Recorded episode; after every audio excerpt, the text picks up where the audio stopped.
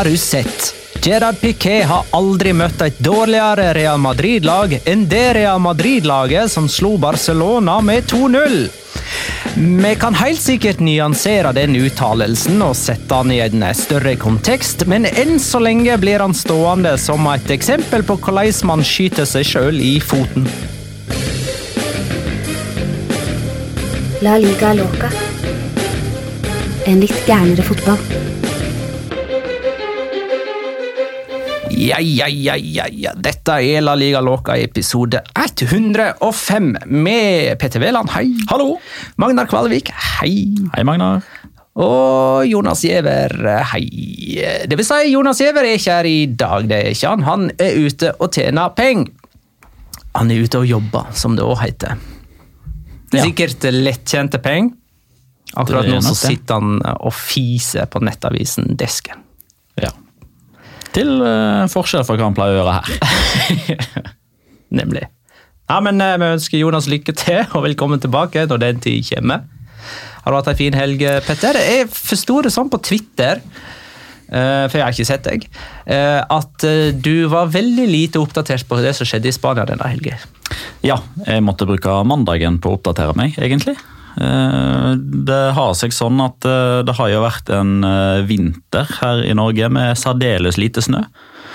Så når snøen først kommer, så føler jeg at jeg må være familiemann og familiefar. Så da var det bortimot hele søndagen ble tilbrakt i akebakken. Før jeg satte turen inn til Oslo for å være i litt mer lystig lag, for å si, eller klassiko. Ok. Ehm, I denne episoden av La Liga Loca så skal vi selvfølgelig ha en eh, locora, og vi skal tippe. Så fort vi har bestemt oss for hvilken kamp vi skal tippe på, det vet jeg faktisk ikke enda. Uh, det blir fort eh, Betis Real Madrid, tror jeg. Uh, og så skal vi på et vis kåre rundens spiller og prøve å nyansere uttalelsen til Gerard Piquet. Skal det. Kan ikke den forstå? Men Den står og skinner for seg sjøl. Jo, han gjør jo det. Ja. Men eh, det er en viss Det er noe innhold der som kan ta tak i, syns Ja, jeg. Som er ganske er viktig. Ja. Um, men først, da. Kamp for kamp. Runde 26. Som starta fredag kveld med Real Sociedad Valladolid 1-0. Adnan Janusay matchvinner for Real Sociedad. Plutselig har han våkna og skåra nå i to seriekamper på rad for første gang i sin La Liga-karriere. Det var vel sånn ca. to sekunder etter at du påpekte at det nesten hadde gått et år siden Ja. han skåra i La Liga sist. Eh, og ja, for han skåra jo den perla mot Valencia. Valencia i forrige serierunde, og det var jo i februar, da. Ja. Eh, og det var jo i mars i fjor at eh, han uh, skåra sist gang for den eh, perla. Real Sociedad har nå vunnet sine siste fem offisielle kamper. Ei rekke som jo starta med seieren på Santiago Bernabeu eh, i Copa del Rey. De har dessuten vunnet sine siste sju heimekamper. Og er nummer seks på tabellen. To poeng bak fjerdeplassen, som Retafe er innehaver av. Da er det jo bare én hjemmeseier da, unna å tangere klubbrekorden på åtte. Er det det? Mhm. Når kom den ifra? Det var opprykkssesongen fra oh, ja. Segunda. Så det- 09-10 må vel det ha vært? da? Så det har antagelig ikke skjedd mens de har vært et primæralag, da? eller? Uh, nei. Altså, dette her er nok en form for klubbrekord med antall uh, hjemmeseiere som La Liga-lag. Men så er jo en av disse kampene mot Mirandes, så det er ikke mot La Liga-lag. Nei, jeg veit. Ja. Men det er noe som primæra klubb. Ja. Eh, men jeg tenkte kanskje vi skulle snakke litt mer om Real Sociedad seinere. De har jo en semifinale som kommer denne veka. Det har de. Um, men eh, at vi først nå går videre til Eibar Levante 3-0. Eh, Charles skåra 1-0 og 2-0 for Eibar, og så bomma han på straffe og misbrukte dermed sjansen til å bli den første Eibar-spilleren i historien med hat trick i La Liga. De rykker ned før noen skårer hat trick for de. Du tror det? Ja, så tenker vi tilbake igjen på den skjebnesvangre dagen. Den ene muligheten man hadde. Eh, Eitor, Eitor Fernandes redda jo den straffen. da. Eh, For øvrig en av 19 straffer som ble gitt for hens etter VAR eh, denne helga. Kødder du?! 19 straffer! etter VAR. Jeg overdrev litt, men det var Ja, mange gjorde eh, situasjoner. Mm, Ja, jeg nå kunne te- kanskje nå dratt det enda mer for at det ikke skulle være troverdig. 19 straffer, trodde du på det? Eh, da jeg begynte å lure på sånn, om det hadde med Segunda og Segunda B noe. Altså, Ja, det, hele det. Spania. Ja.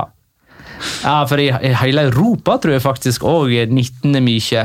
Ja. Jeg er ikke helt ferdig med Eibar Levante. Fabian Oriana var det som skåra det tredje målet her for Eibar. da. Eh, Eibar-trener eh, Mendelibar har nå flere seire som trener i Primera enn Pep Guardiola. For like mange kamper. Det er helt sjukt. Ok, Han har litt flere kamper. Eh, Mer enn dobbelt så mange kamper, faktisk. Han nærmer jo seg 400 nå, Mendelibar, mens Pep Guardiola ga seg på drøyt 150. Eh, I alle fall foreløpig. Han kan jo komme tilbake. Eh, Dette her vil altså si at Levante gikk fra 1-0-seier mot Real Madrid til 3-0-tap mot Eibar. Ja, Levante gjør som Levante pleier. Ja, det, dette er sånn vi kjenner dem. Valencia Betis 2-1. Eh, Kevin Gameiro og Dani Parejo skåra for Valencia. Det var vel Parejo sitt første mål i åpent spill. Det stemmer. Han hadde sju straffeskåringer og et frispark fra det. Sju straffer, og, eh, så han har, han har ni mål. Eh, I alle Ja, turneringer. ja riktig. Ja. Eh, en liten opptur der, da, for Valencia, som har hatt eh, tunge tider, de er nummer sju, fire poeng bak Chetaffe. Getafe. For moro skyld så kan vi jo nevne et resultat fra Serie A denne helga. Lecce Atalanta 2-7. Jeg lurer på jeg, om vi snart skal begynne å eh, endre litt på eh, tankegangen vår rundt Valencia sitt eh, 1-4-tap eh, Ja, i Milano. Det er jo nesten en prestasjon å holde Atalanta til kun fire skåringer. Atalanta har eh, på de siste fem Serie A-kampene skåra sju mål to ganger. Ja. Eh, og begge borte. Eh, og de spilte ikke forrige helg pga. koronaviruset i Italia, så på de siste to kampene sine så har de skåra elleve mål for 4-1 mot eh, Valencia. for denne her. Eh, Vi har fått et eh, lytterspørsmål til Valencia, eller iallfall en kommentar fra Chris Robin Eriksen. Det ble en etterlengta trepoenger, han er jo Valencia-fan. Eh, Men vi noterer skade nummer 36 på Valencia inneværende sesong. Denne gangen på Maxi Gomez, som blir ute i seks uker. Ja. Så begynner Kondogbia å flørte litt med en karantene som ligger rett rundt hjørnet. Han er vel bare et gult kort unna å måtte sone. Riktig. Men uh, positiv nyhet er jo at Gedes omsider fikk uh, sin første målgivende denne sesongen. Det gjorde han faktisk. Riktignok ikke en ferdigskåra variant. Det var litt arbeid som gjensto for uh, Gameiro. Godt for statistikken likevel. Ja da. Valencia uten tap hjemme i La Liga for første gang siden 81-82-sesongen at de går de første 14 heimekampene uten tap. Det var Loren Moron for øvrig som reduserte for Betis, som bare har én seier i 2020. Det er ikke godt nok, eh, Kenneth. Nå må de ta seg sammen om de skal havne over Sevilla på tabellen. Ja, de er begynner- 16 poeng bak. Ja, eh, og eh, det er jo veldig mange av disse spanske både riksmediene og lokalavisene og radiostasjonene og TV-stasjonene som er glad i å ta ting litt sånn på forskudd og drive og spekulere i mulige varianter allerede til sommeren. Og blant annet Estadio Deportivo kan jo mer eller mindre med belegg eh, skrive med litt sånn faglig tyngde at Roby sitter litt sånn på, på kanten. Ikke, nød, ikke nødvendigvis til å få fyken akkurat nå, for det, jeg tror ikke det finnes noen ledige akkurat nå som gjør at det, at det er noe poeng. De kommer ikke til å rykke ned, det er for mange poeng ned, og de kommer ikke til å nå Europa heller. Så bare la det stå ut. Ja, Eh, For, for eksempel, Ernesto Valverde kan ikke ta over, for han har allerede ledet et La Liga-lag denne Ja, og det kan heller ikke Marcelino eller noe sånt. Nemlig. Men Marcelo Bielsa kan fortsatt ikke rykke opp med Leeds og bli Betis-trener til sommeren, skriver Estadio Deportivo. Den skjønte ikke jeg. Marcelo Bielsa er visstnok en av de største favorittene til å ta over Betis til sommeren. Han kan ikke rykke opp med Leeds. Selvfølgelig kan han det, men Estadio Deportivo tar det jo for gitt at det klarer han ikke. Okay. Så han fortsetter ikke i Leeds Nemlig. og tar over Betis til sommeren. Så spennende, da! Jeg gleder meg Ja. allerede. Jeg. Dessverre ingen Sampaoli. Han uh, fikk jo ny jobb i Brasil. Nei, jeg har hørt det er de tristeste nyhetene i dag. Liganes Alaves 1-1. Uh, Liganes har jo nesten fått hele verdens eh, sympati etter at de mista Enesiri og mest av alt eh, Breathwaite ved trigging av utkjøpsklausul i januar og februar. De fikk jo òg nå denne veka avslag, eller forrige veka da, eh, avslag eh, fra La Liga på forespørsel om å hente en erstatter utenfor overgangsvinduet. Dette var jo bestemt for lenge siden, men de sendte jo likevel inn en sånn formell forespørsel om det. Um, de ligger nest sist og er La Ligas, La, La Ligas minst skårende lag med 19 mål på 26 seriekamper. Da er det jammen godt at Guido Carillo endelig er i gang, for han skåra sitt første mål for sesongen. Han utligna her etter at Lucas Perez hadde sendt Alaves i ledelsen. Som ironisk nok da var eh, kanskje den første spissen som ble nevnt i forbindelse med Barcelona. Da det var klart at de kom til å søke om denne dispensasjonen. Da lå Lucas Perez langt fram i løypa. Og Så ble det Braithwaite til slutt i stedet, og så skårer Lucas Perez mot Leganes. Selvfølgelig. Eh, og da Guido Carillo skåra her, så hadde Leganes spilt tre strake seriekamper uten mål. Granada Celta Vigo 0-0. Celta Vigo med fire strake uten tap. De er nå tre poeng over nedrykksstreken. Vi velger å fokusere på det positive her for Celta Vigo. Eh, Granada møter jo Atletic hjemme i Copa del Rey semifinale torsdag. De tapte første oppgjør 1-0 på samme mes, men eh, den er det fullt mulig å slå. De ligger fortsatt på øvre halvdel i La Liga. Ja, og de gjorde jo en del endringer på laget her Ja. De stilte ikke med sitt sterkeste Det er et voldsomt lysshow de har på Los Carmenes eh, i mørket. Ja. Det, det er ganske fancy til å være en så liten klubb, på en måte. Karantene på Aspas. Kom det inn nå? Eller fikk, Nei, han fikk sitt femte gullet Ok. for sesongen. Ja, riktig. Så han soner jo da mot Retafe neste helg. På bortebane den hadde det vel kanskje tapt uansett, så kanskje det kan være Borte mot Retafe? Getafe. Mm. Celta Vigo har ikke vunnet en bortekamp utenfor Valencia de siste to årene. Og du vet hva du finner i Valencia? Jo, der finner du Villarreal. Ja, og Levante. Og Valencia. Og, Ja, det, det er sant, det. Du har flere lag der. Ja. Um, men sånn er det, da. Sevilla og Sassona 3-2.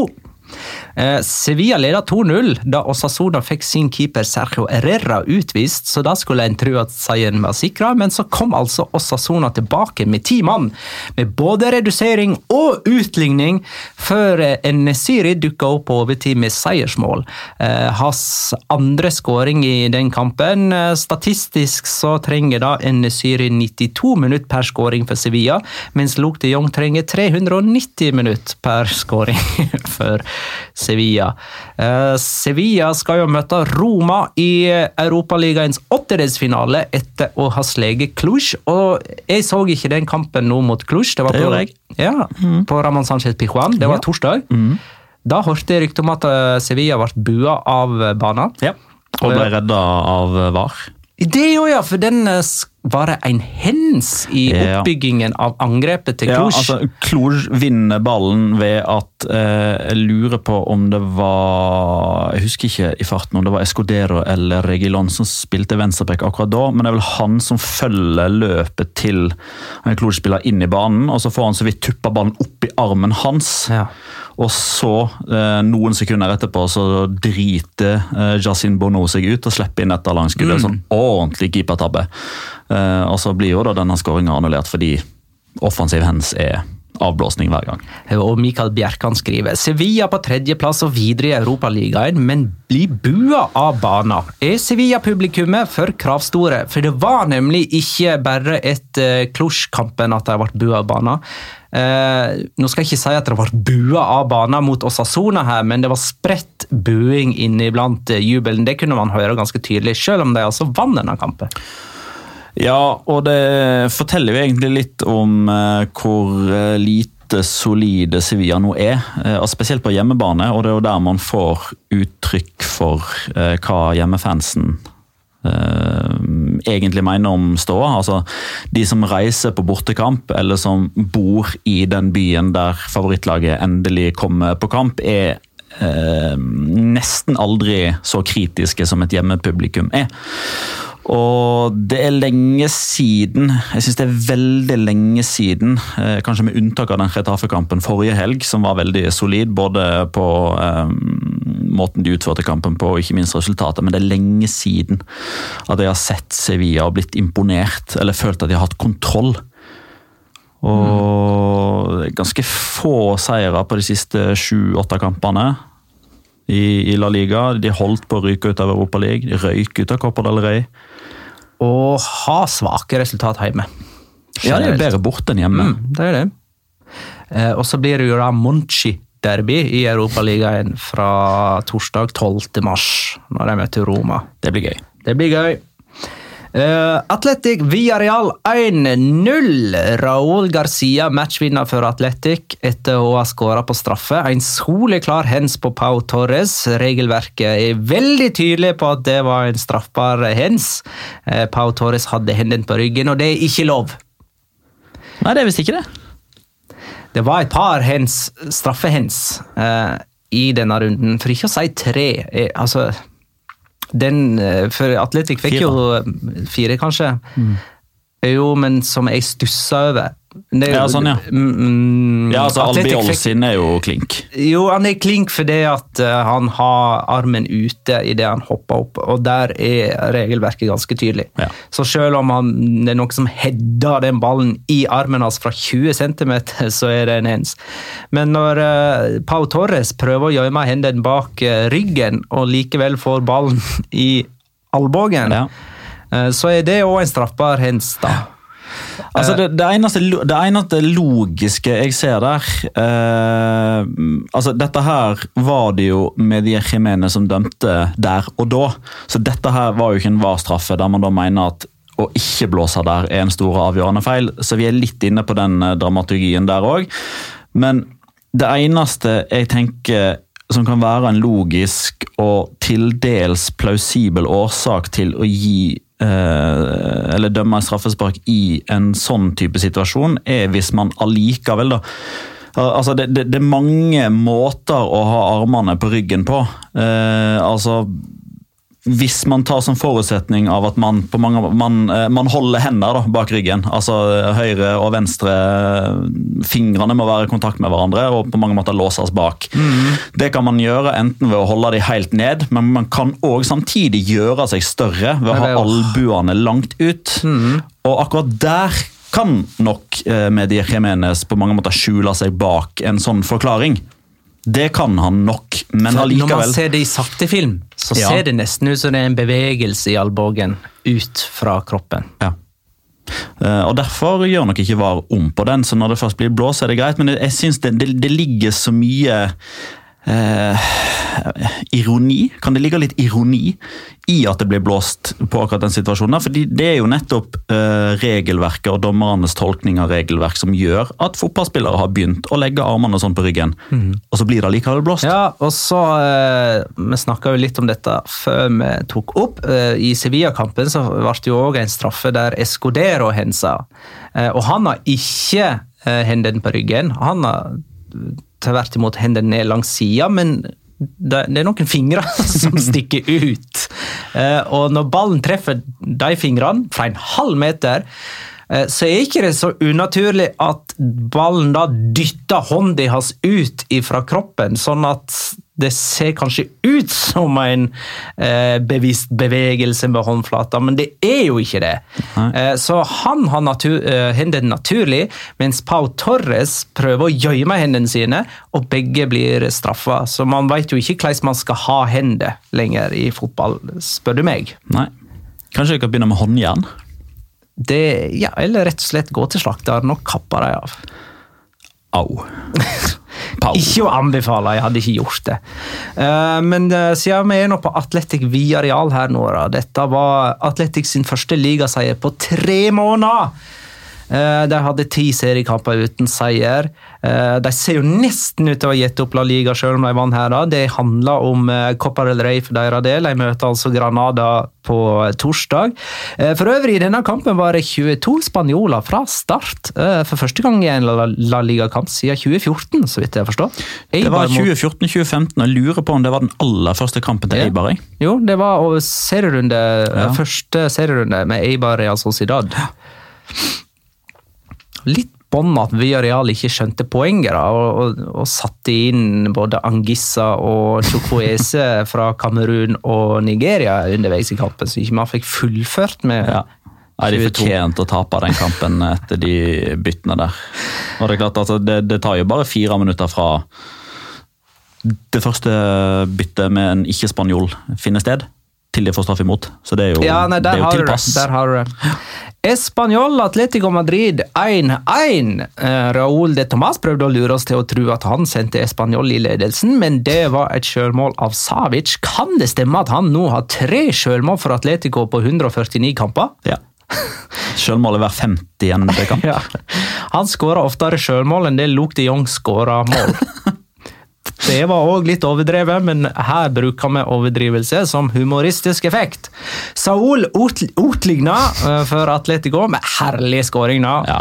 Eh, Men den beste nyheten for Atletico denne helgen var kanskje at Liverpool tapte for eh, Watford, som et slags tegn på at Liverpool sitt tap på Wanda Metropolitano kanskje ikke var et sånn engangstilfelle eller et arbeidsuhell, men at formen deres rett og slett er litt sviktende.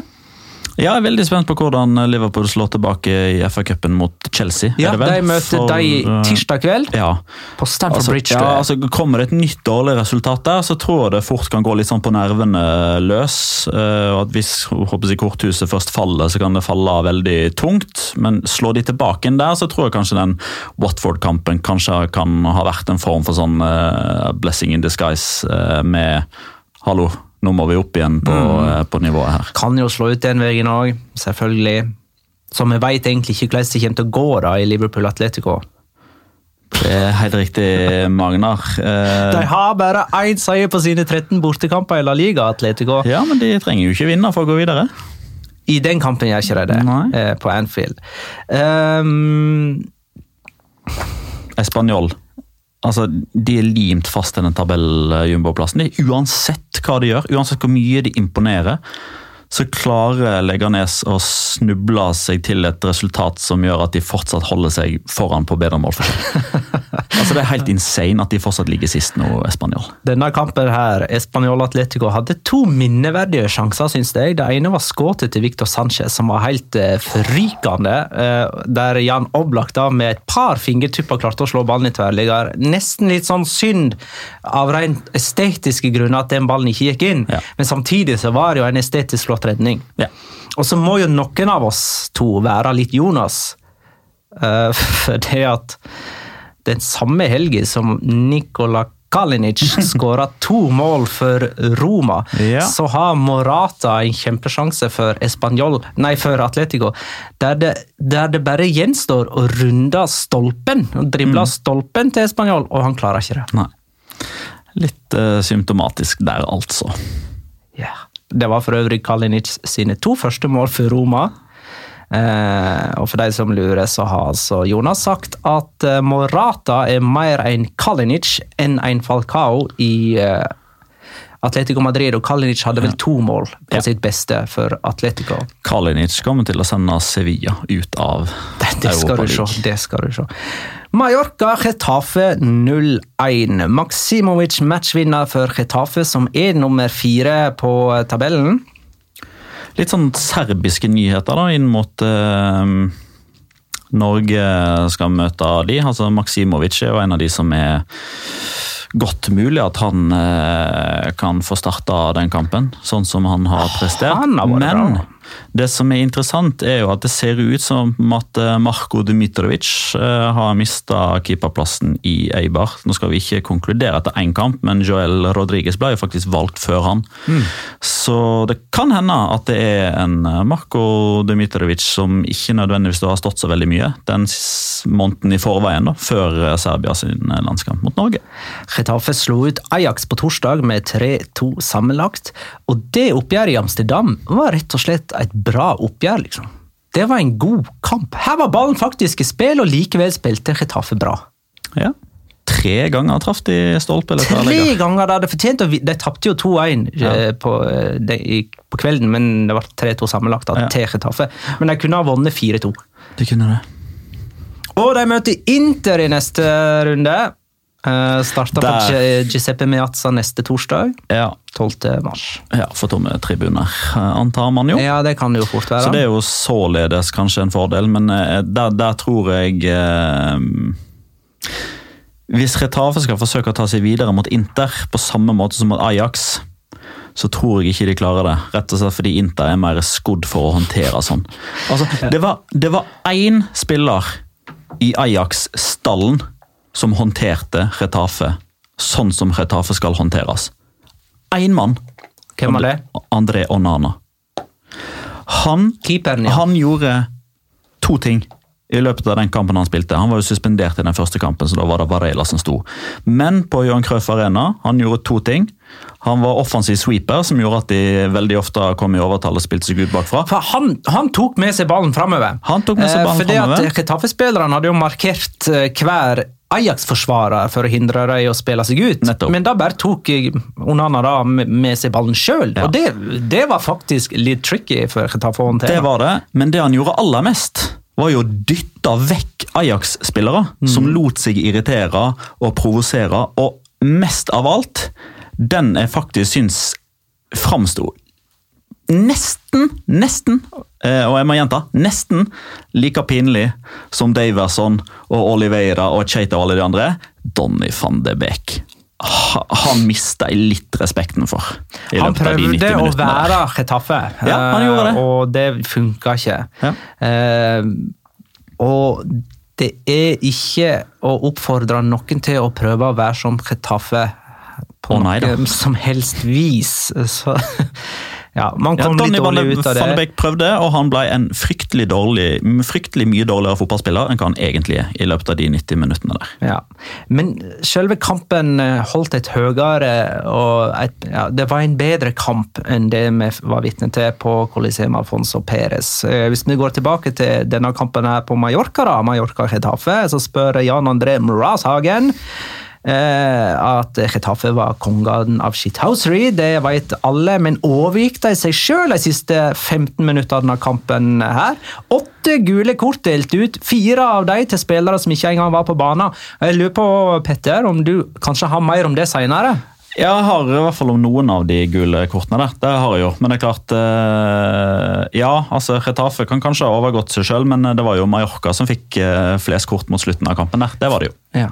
Men de lar seg jo provosere, de òg. Går på limpinnen hver gang. Real Madrid, Barcelona runda av den 26. serierunden med 2-0 til Real Madrid på Santiago Bernabeu.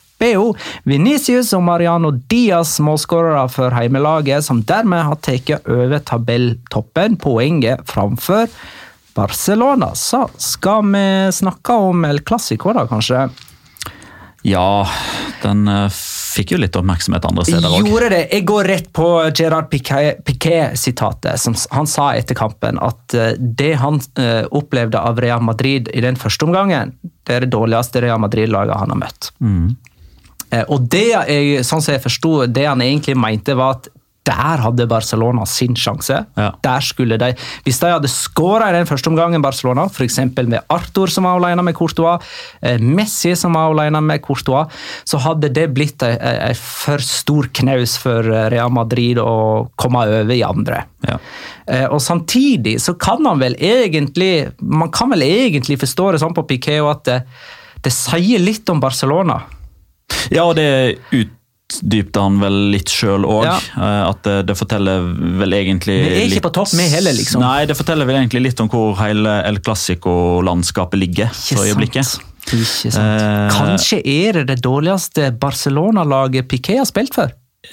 Ja, det kan jo egentlig være den skjulte, det skjulte budskapet her. At herregud, klarer vi ikke å slå dette Madrid-laget? Hvor dårlige er ikke vi da?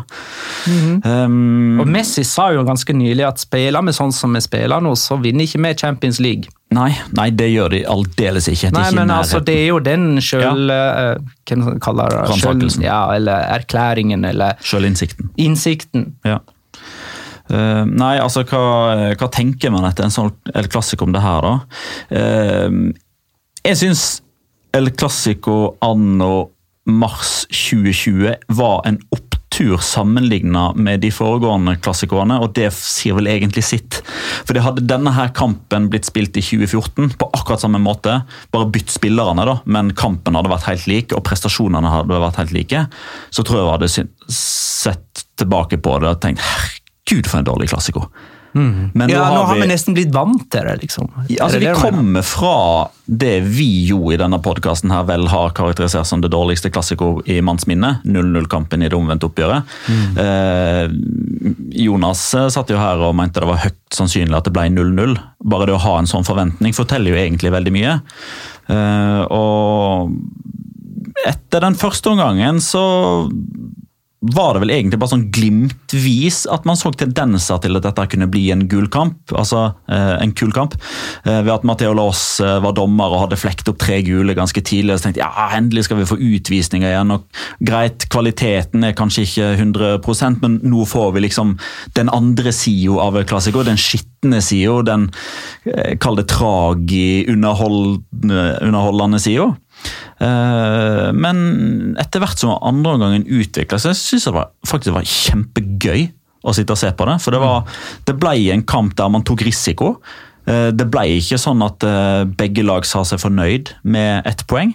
Igjen for å gå tilbake til det vi snakka om i forbindelse med høstklassikoen, der begge lag sa seg fornøyd med det. Den var for øvrig i desember.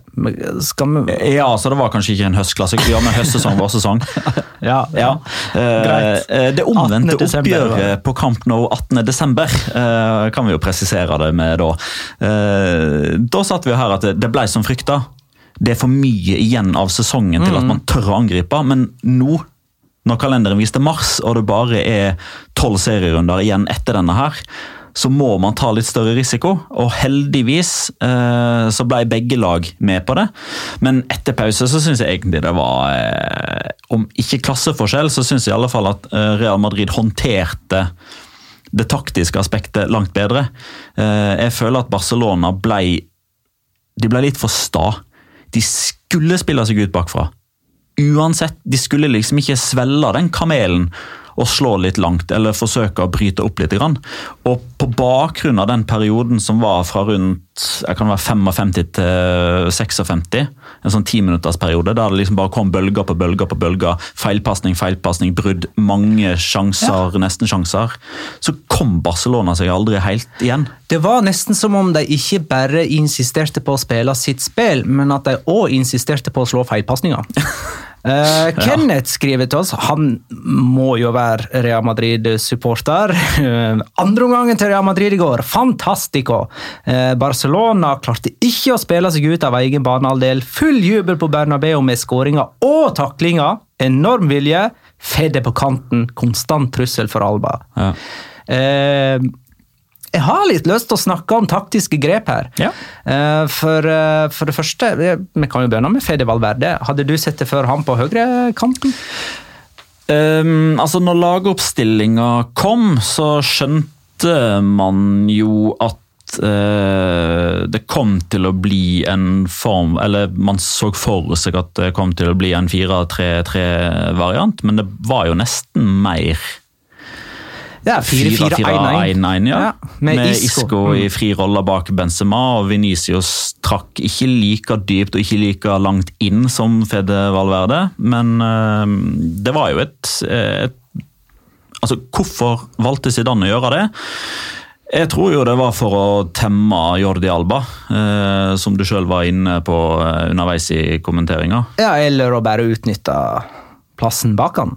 Ja, det er jo gjerne to sider av samme sak. Nja, altså hvis du temmer Jordi Alba, da, da tvinger du på en måte Eller da nekter du han å gå fram, eh, for at han tør ikke å gå fram. Jo, det men- tenker jeg med å temme han, da. Eh, ja, jo, men jeg jeg, ja, Jeg men tenker, man hvis- kan nå Ja, definitivt. Bare begreps... Men eh, hvis. Jordi Alba på mange måter da havner i en mellomposisjon, Mm. så kan man både temme han og utnytte rommet bak. Ok, Men uansett hvordan vi definerer det, det var jo en suksess.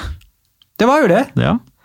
Eh, og et annet taktisk aspekt var, eh, fra Zinedine Zidane, da, var det som skjedde eh, spesielt i begynnelsen av andre omgang, der, der Real Madrid Sånn som jeg opplevde det, hadde et mye høyere, mer intens press enn det de hadde i første. Så det, det virka nesten som de hadde bestemt seg for et eller annet i pausen. Og kanskje eh, tenkte de litt det samme som Piquet. Altså, Piquet satt i Barcelona-garderoben og tenkte dette Real Madrid-laget er så dårlige at vi bør slå dem. Mens Real Madrid tenkte nå er vi så dårlige at vi må heve oss og gjøre noe. ja. Det er et eh, godt poeng.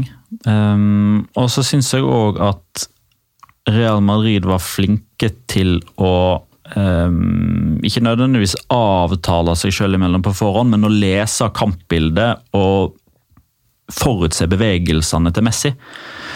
Fordi hvis det ikke var Ramos, så var det Casemiro. Hvis det ikke var Casemiro, så var det Varan.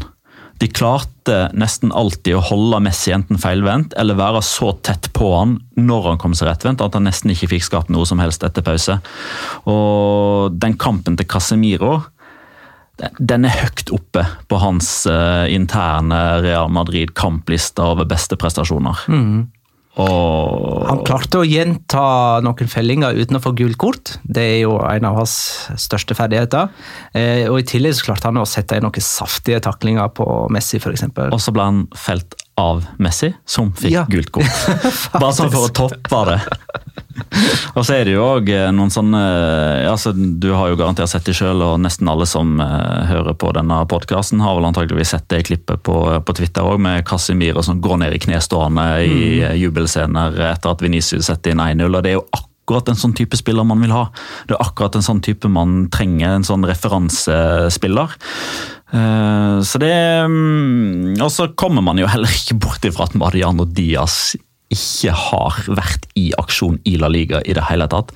Altså Blir han tatt ut i troppen og folk sperrer opp øynene, og så skal han liksom inn på slutten, og så sperrer folk opp øynene, og så går det 52 sekunder, og så skårer katalanske Mariano Diaz og avgjør El Clásico. Han eh, har skåra ett mål per minutt han har spilt. Ja. Så hvis han fortsetter sånn, så skårer han 90 mål hver kamp. Han må jo starte mot Manchester City. Eh, Erling Braut Haaland. Hæ? Erling Braut Huland. Hvorfor sa du Huland? Hu? Å ja. Sånn, ja. Ja. Ja. Den Hvem er det, jo- liksom? Ja, ikke sant, jeg skjønner. Eh, Santiago98 skriver jo til oss da hvorfor får ikke Mariano spilletid når han gang på gang viser at han eh, ikke trenger mange sjanser til å skåre. Vel, får han en gang på gang mulighet egentlig til å vise at han Han spilte vel sin aller første kamp i Supercopa. eh, Ja, og han, da spilte, men- han fikk to innhopp. Ja, og da mener jeg at eh, etter, altså inntrykket man satt igjen med der, var at jøss, han hadde lyst til å vise seg fram. Dette er en mann som eh, ikke klager på manglende spilletid, som blir værende i klubben. Altså, han kunne jo ha gått til 10-12 forskjellige La Liga-klubber hvis han hadde ønska det i januar. Men han blir eh, så Jeg ble egentlig litt glad på Mariano sine vegne. Altså, satt jeg jo og så kampen ved siden av Jonas, som har eh, forsøkt å hause denne Mariano Diaz i, i alle år. Eh, så han, ja, Jonas skal få lov til å leve litt på den noen dager til. Santiago skriver videre han er mye mer på hogget enn det Jovic har vært, f.eks. Så apropos dette med Serbia og Norge eh, Neppe Jovic fra start i den eh, kampen. Om han i det hele tatt kommer med i troppen. Jeg mener, Han er jo ikke med i kamptroppen til Real Madrid engang nå. Nei, jeg, jeg tipper han er i landslagstroppen, det tror jeg. Ja. men det er nok Mitrovic som starter. Og det kan vel være lurt. Og det er jo sånn et paradoks eh, at en Fulham-spiss i Det championship det. starter, mens Real Madrid-spissen starter på benken. Gard A skriver eh, hvor langt unna mener dere Venicius Junior er et sluttprodukt nå? Nå har han jo hatt to kamper på rad der han faktisk har levert ett form for sluttprodukt, men samtidig så er jo ikke altså Suksessraten hans er jo fortsatt veldig lav. Han trenger mange involveringer, mange balltap, mange mislykkede driblinger før det til slutt kommer. Det forteller jo at Real Madrid-spillerne har veldig troa på han, for de setter han jo opp i de posisjonene hver gang. Og det hadde man ikke gjort hvis man ikke hadde tro på at dette her faktisk kan bli bra, både i enkeltsituasjoner og på sikt. Men det var altså, altså Apropos det å bli glad på spilleres vegne. da, altså Mariano Diaz som har hatt den sesongen han har hatt, men eh, Altså Venicius, når han jubler der eh, Egentlig litt sånn komisk eh, feiring, for det ser jo ut som at han egentlig bare konstaterer at Real Madrid spiller her. Altså Han peker først på klubbemblemet og så ned på gresset og sier at dette er hjemmebanen til Real Madrid. Uh, et lite sidespor der. Uh, men det er klart han hadde jo den målgivende pasningen til Isco mot, Mot City. Uh, mot City. Så, så kanskje kan dette her liksom være starten på en sånn selvtillitsboost. da. Han kom òg inn i pausen mot Atletico Madrid og endra kampbildet der. Det var i 1. februar, mener jeg. Altså i starten av februar, i alle fall. Så han har hatt noen uh, greie involveringer i store kamper nå. Får han av deg dette målet? Ja. Ikke sjølmålet av Piqué. Det ligner jo litt på hans første i gåsehauget-skåring i La Liga, da han egentlig skjøt ballen til kast uh, via en Valladolid-spiller og i mål. ja. Uh, men denne her Der stopper jo likhetene. ja, Denne hadde retning rett på terstegen. Eh, ja, det, ja, det har han. Eh, men det, det som liksom er kriteriet her, at eh, i utgang Altså Med mindre man kan i hermetegn bevise eller dokumentere at ballen hadde gått utafor, så blir det til enhver tid kreditert spilleren som avslutter. Altså, all tvil faller avslutter på det skårende laget til gode. Og her går det ikke an å bevise eller dokumentere at den ballen hadde gått utenfor. Nei. Um, Ble han tidenes yngste målskårer i El Clásico? Han ble tidenes eh, yngste ikke-spanske målskårer. Eh, han slo Lionel Messi, men Raúl har vel vært yngre. Ok. Han var den første tenåring som skåra i El Clásico siden Messi gjorde det en gang. I 06, kan det stemme? Ja, da, da ble jo han den yngste ikke-spanske. Så Å, han ja. slo jo Messi nå. Ja. Mm. ja. Men Raúl eh, skåra en eller annen gang på 90-tallet, og da var han enda yngre enn hva Venicius er nå.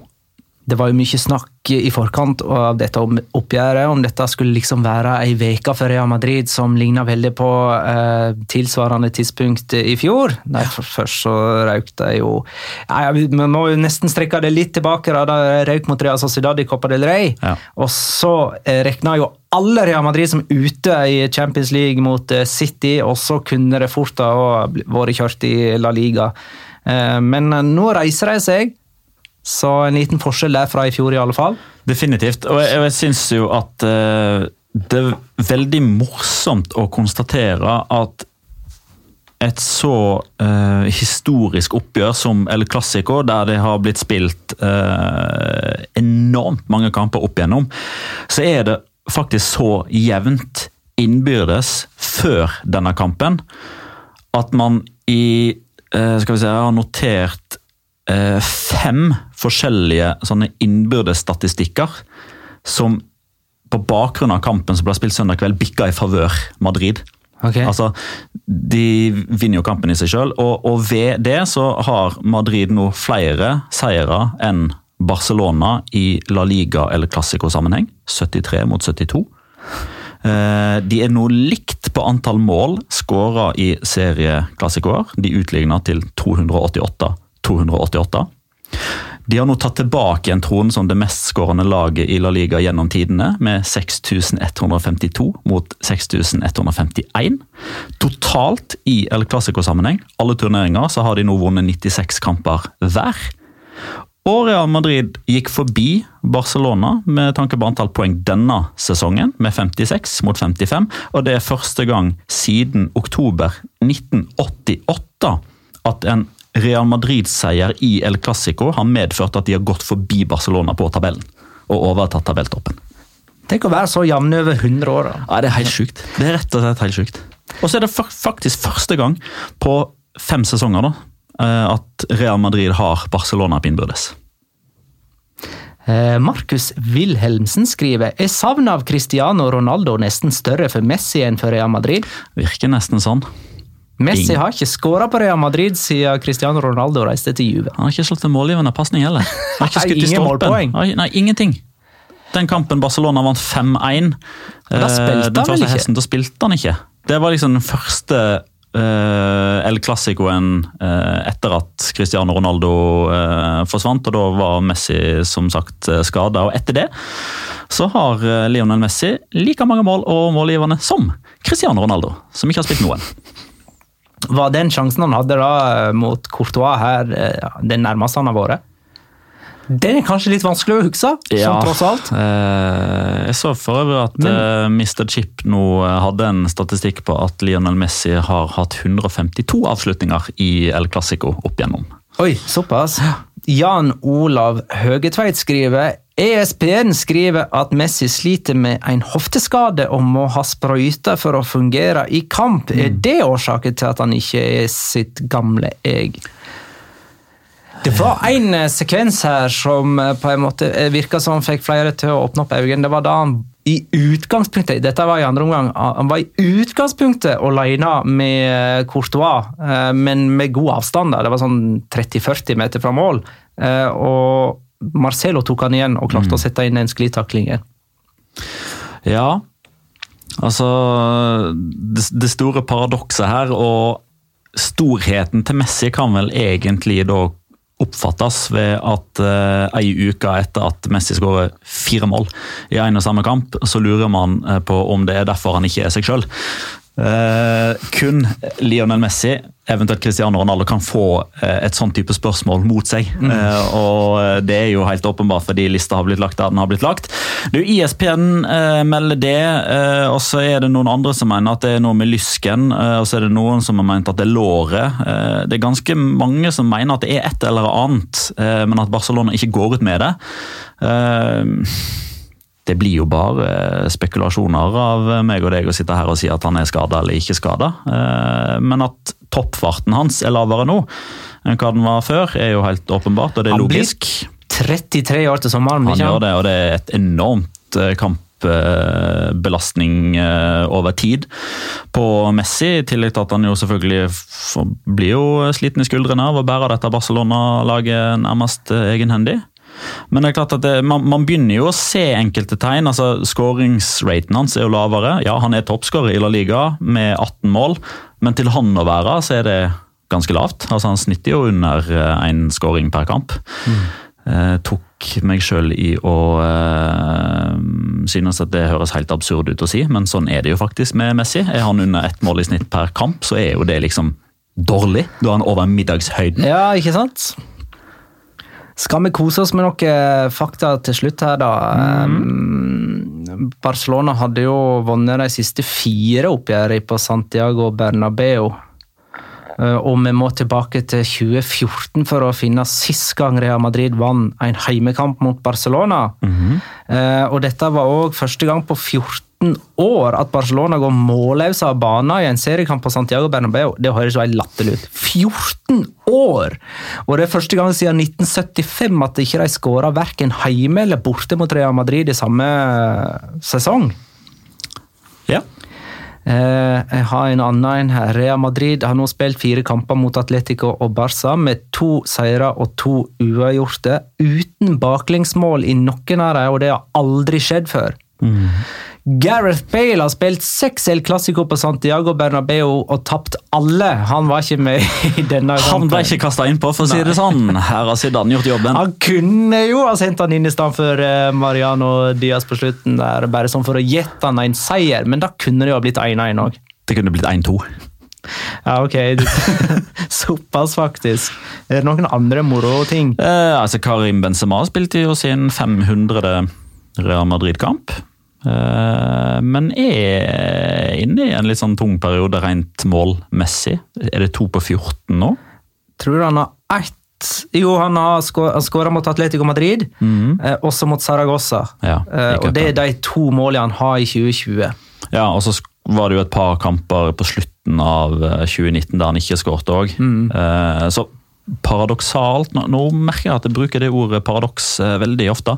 Eh, men det er jo egentlig litt betegnende for hele Real Madrid-situasjonen eh, anno mars 2020. at de Vinner El Clásico, vi har tatt alle disse rekordene her. Overtar tabelltoppen og er jo i førersetet.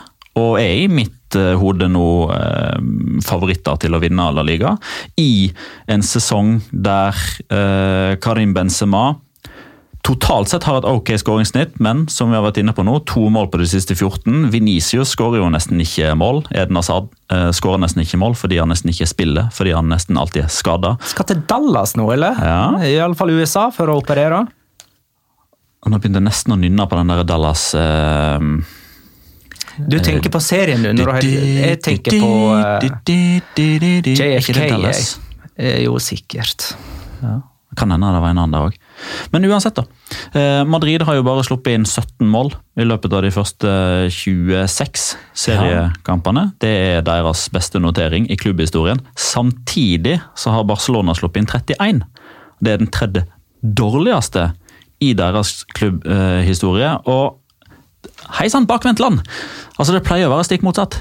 Ja, altså, det er jo Barcelona som pleier å ha de tallene der. Og, Jeg eh, tror jeg kom fram til at Barcelona bare én gang eh, i det forrige tiåret slapp inn flere mål enn antall kamper de spilte i La Liga. Ikke sant? Det kan ha vært Kan det ha vært Tata Martino-sesongen? Jeg lurer nesten litt Ja, på det. 13-14. Eh, I så fall så må det være 13-14, men Ja. det kan ha vært sesongen. Det var jo da de ikke vant La Liga. Ja, ikke sant? Eh, Men det det kan hende jeg husker feil der. Ja. Skal vi bevege oss litt videre? Nå har vi via mye av denne episoden til klassikere. Jeg har lyst til å snakke litt om Real Sociedad òg. litt merkelig utvikling, syns jeg, i Real Sociedad. Nå, nå har de en kjempefin eh, flyt, mange eh, gode resultater i det siste. Men sånn som sesongen starta, så var det liksom Ødegaard som stjal showet. Alle snakka om eh, Ødegaard de første månedene. Og så kom Porto og stjal showet, og var liksom den eh, den store åpenbaringen. Og så kom Isak og stjal showet og ble en publikumsfavoritt i løpet av januar måned. Og nå plutselig er det Janusei. Og hvor er Oya Sabal og Merino? Ja, Merino er jo stabilt. eh, Ja, men det- ja, men det er jo men liksom- Han er jo ikke den spektakulære fyren som skårer mål og avgjør kamper, selv om han han faktisk har begynt å få litt målpoeng, han òg. Altså, vi har jo gjentatte ganger uh, sagt at den offensiven som Real Sociedad, den bredden de har, eh, er deres klart største eh, styrke. Men samtidig så har det vært, om en ikke en svakhet, så har man veldig ofte sagt sånn eh, Egentlig litt i motsetning til det du sier nå, at enten så funker alle, og så er det én som stikker seg litt fram, eller så funker det ikke noe særlig. Jeg syns veldig ofte at i den perioden Ødegård var den som glitra mest, så var jo Sabal god, og Porto var god, og Merino var god, og William José var god. For da spilte jo ikke Isak noe særlig helt i begynnelsen der. Nei, spilte jo ingenting. Eh, når. Isak var helt fantastisk, så var Oyar Sabal god, og Porto var god, og Janusai begynte å bry seg med fjæren, og Ødegaard var god. Eh, og da, eh, når Janusai er liksom den som blir eh, tunge på vektskåla nå, ja, han var den klart beste Real Sociedad-spilleren i kampen mot Valladolid. Det var liksom helt poetisk riktig at det var han som fikk sette kronen på verket og ble, eh, ble matchvinner, men det er samtidig Det er jo Oyar Sabal som slår den målgivende pasninga. Det er. Saldoa som oppfatter situasjonen og tar et raskt kast til Ødegaard, som sender ballen videre. Eh, Så det er fortsatt i en sånn kall det fornektelse av at det er enkeltspillere som er gode, selv om de har hver sine formtopper. Jo, men det, det, det er jo sånn at de skinner eh, på ulike tidspunkt, disse her eh, offensive spillerne, på et vis likevel. Eh, Vi har fått et spørsmål fra Trygve Sunde. Det er egentlig et gjentagende spørsmål, men eh, likevel Ødegaard og Real Sociedad med klar sjanse på Champions League-spill neste sesong. Det ser lovende ut, eh, sier han da. Eh, Real Sociedad er altså to poeng bak fjerdeplassen der Getafe ligger. De har Atletico Madrid mellom seg, de to. Så Real Sociedad er nummer seks. Her eh, i denne kampen mot Valladolid tok jo Alguacil ut Isak Oyarzabal og Ødegaard eh, på stillingen 1-0. Mm. Eh, og var det da med et klart fokus mot Mirandes-kampen, som vel er på onsdag? Den er på onsdag. Ja, de to minuttene Martin Ødegaard ikke spilte på Ja, men Øyar Oyarzabal ble faktisk tatt ut ganske tidlig. Oyar Sabal ble tatt ut tidlig, Eh, men samtidig Oyar Sabal blir Han har blitt veldig ofte bytta ut nå. Ja. Og den av William José og Isak som starter, blir jo bytta ut for at den andre skal ja, komme inn. Men det, det jeg egentlig lurer på, er om Mirandes-kampen på onsdag er viktigere enn å ha større prioritet enn Barcelona-kampen som kommer på lørdag, for da skal Real Sociedad til kamp nå. Og da tenker jeg at eh, mm, For da de skulle til Santiago Bernabeu og møte Real Madrid, da hvilte de masse spillere i forkant, men det var jo fordi at den- ja, ja, og det var jo fordi at den eh, Real Madrid-kampen det var en Copa del Rey-kamp. Ja. eh, Der de øyna muligheten til å, en, et cupeventyr. Ja. Eh, og tenker de fortsatt der, da? Ja. Ja.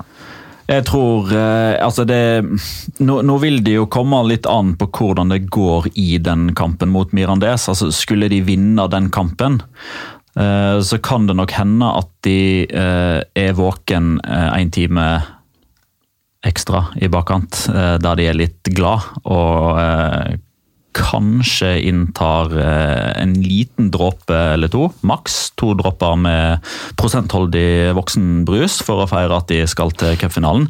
Men samtidig så vil jo det gi en voldsom energiboost, tror jeg. Eh, jeg tror det er helt eh, usannsynlig at Alguacil tar hensyn til Barcelona-kampen når lineupen mot Mirandes kommer. Jeg kan ikke fatte og begripe at ikke det skal være full pupp. Der skal de elleve beste starte. Eh, og Så får man jo se kamputviklinga der. da, så Hvis de plutselig leder 2-0 og det er et kvarter igjen, så kan han ta ut de tre han føler trenger litt hvile. Og kanskje forsøke igjen da, gamle gamble med å kjøre den samme elveren, eller kanskje bare gjøre ett bytte eller to mot Barcelona. Skulle det derimot bli ekstraomganger, da, og så ryker de ut, og så blir det en sånn skikk, et skikkelig antiklimaks, da tror jeg nesten Real Sociedad er mer tjent med å gjøre en sånn syv-åtte bytter på kamp nå, bare la det stå til. For der er de kraftige underdogs uansett.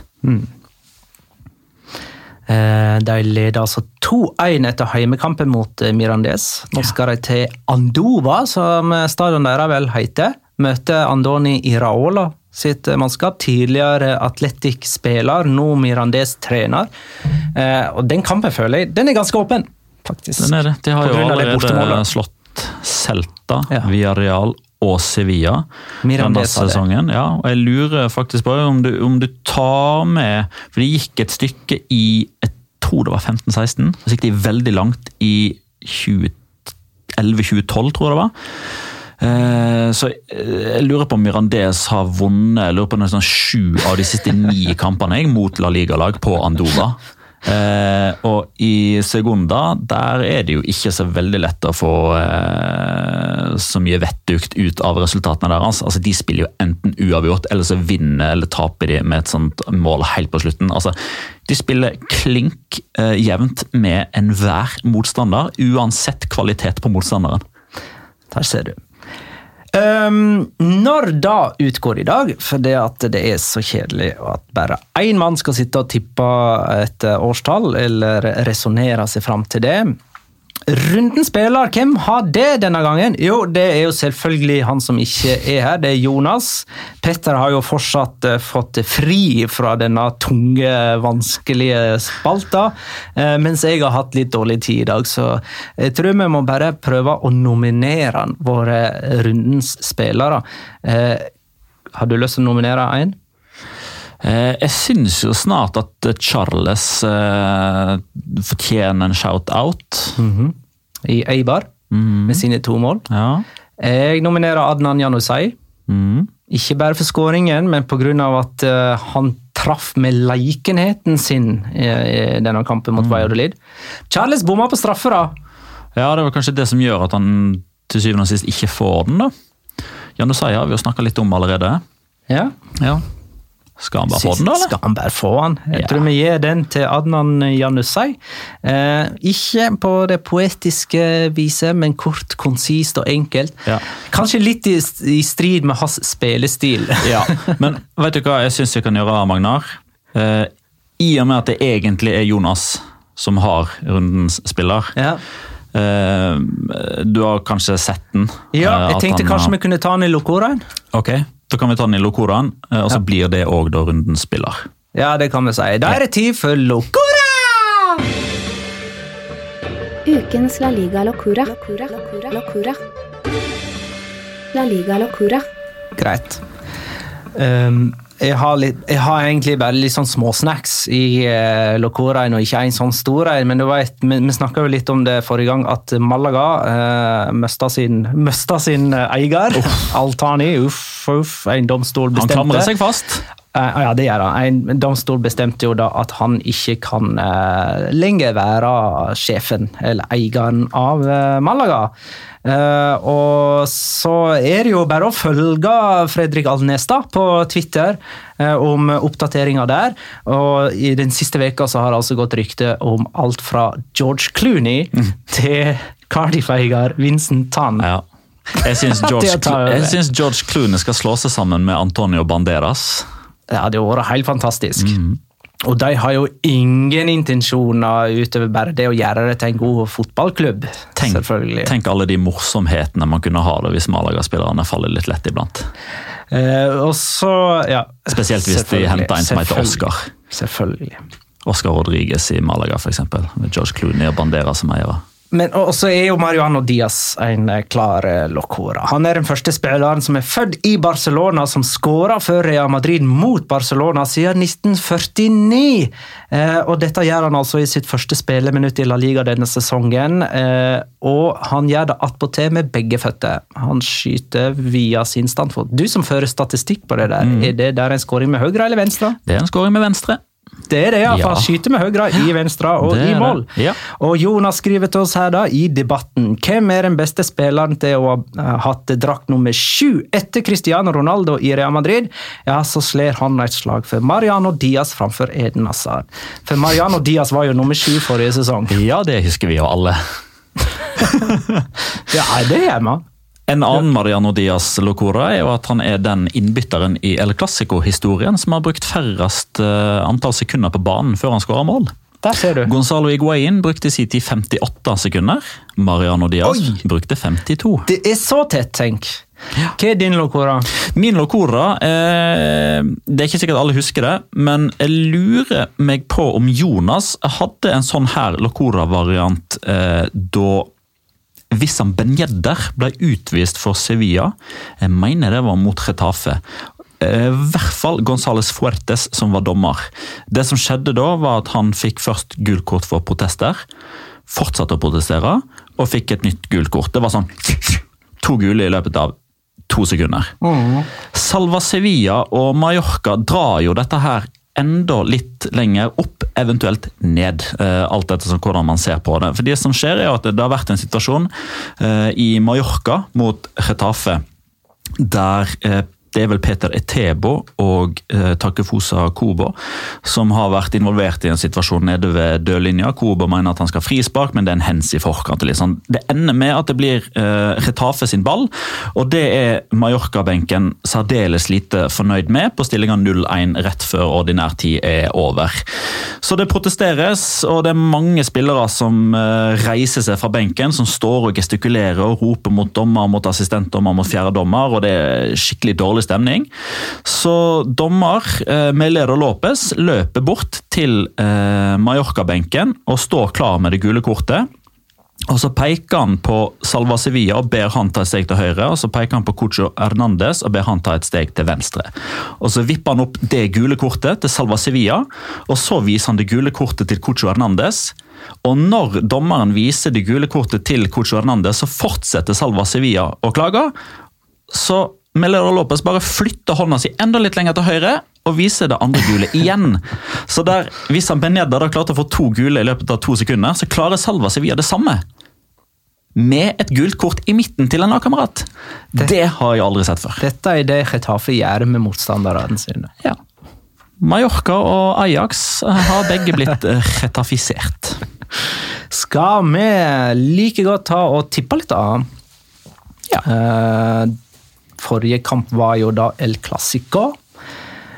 Det ble 2-0 til Real Madrid med Venicius som første målskårer. Petter hadde 1-1 med Ramos som første målskårer. Det er null poeng, du står med 24. Jeg hadde 2-2 med Messi som første målskårer. Det er null poeng, jeg står med 23. Og Jonas hadde 0-0 med ingen første målskårer. Det gir null poeng, og han står da med 19. Og neste kamp har vi funnet ut nå, er Real Betis, Real Madrid på Benito Villamarin søndag klokka 21. Og jeg liker at vi tipper på den, fordi det er i utgangspunktet to motsetninger som møter hverandre. Vi har jo snakka om den defensive soliditeten til Real Madrid og at de ikke skårer så mye mål. Så der lukter det litt målfattig. Så har du Betis på hjemmebane. Der blir det alltid skåringer i begge ender. Det blir det. Jeg tror Betis uh, setter trenden. 2-3. 2-3, du. Ramos uh, blir første målskårer i denne kampen òg. Ja. Jeg har 1-2 og Loren Moron som første målskårer. Jonas har sendt oss 1-2 og Nabil Fekir som første målskårer. Så vi endte opp igjen med en kamp der alle tippa bortimot det samme. Vi kunne jo ha valgt Atletico Sevilla. Det kunne vi faktisk, for å ha gjort det mer spennende eller større. Men det spørs jo hva, hva hadde du tippa da? 2-1 til Atletico med Saul som første målskårer. Jeg hadde hatt 1-0 og Morata. Ja, sant? Og Jonas hadde hatt 2-0 og ikke Morata, men jeg han Angel. Ja. Så det, det hadde ikke blitt noe mer spennende. Nei. Hva er tredje Og nå har vi jo bestemt at eh, prioriteringene til Real Sociedad ligger i Copa del Rey i semifinalen i Mirandés, og ikke i eh, Camp Nou-oppgjøret. Så, Så. eh, sånn ble det. Ja, men da tror jeg vi er i mål. eh. Tusen takk for alle innspill eh, fra våre kjære lyttere. Takk for at du i alle fall møtte opp, eh, Petter. Jo da, det skulle bare mangle. Og så må vi igjen eh, helt avslutningsvis da minne om at vi skal ha et liveshow. Er det 25. mai? Ja. Ja, det er 25. mai. På Mandag. det gamle biblioteket, gamle Deichmanske. Det blir gøy. Jeg håper dere har lyst til å komme. Gå inn Du på finner eh, billetter på Ticketmaster. Ja. Og så litt mer info. Bitte litt mer info på Twitter-kontoen til La Liga Loca pod. Tusen takk for at du lytta, kjære lytter. Ha det, da.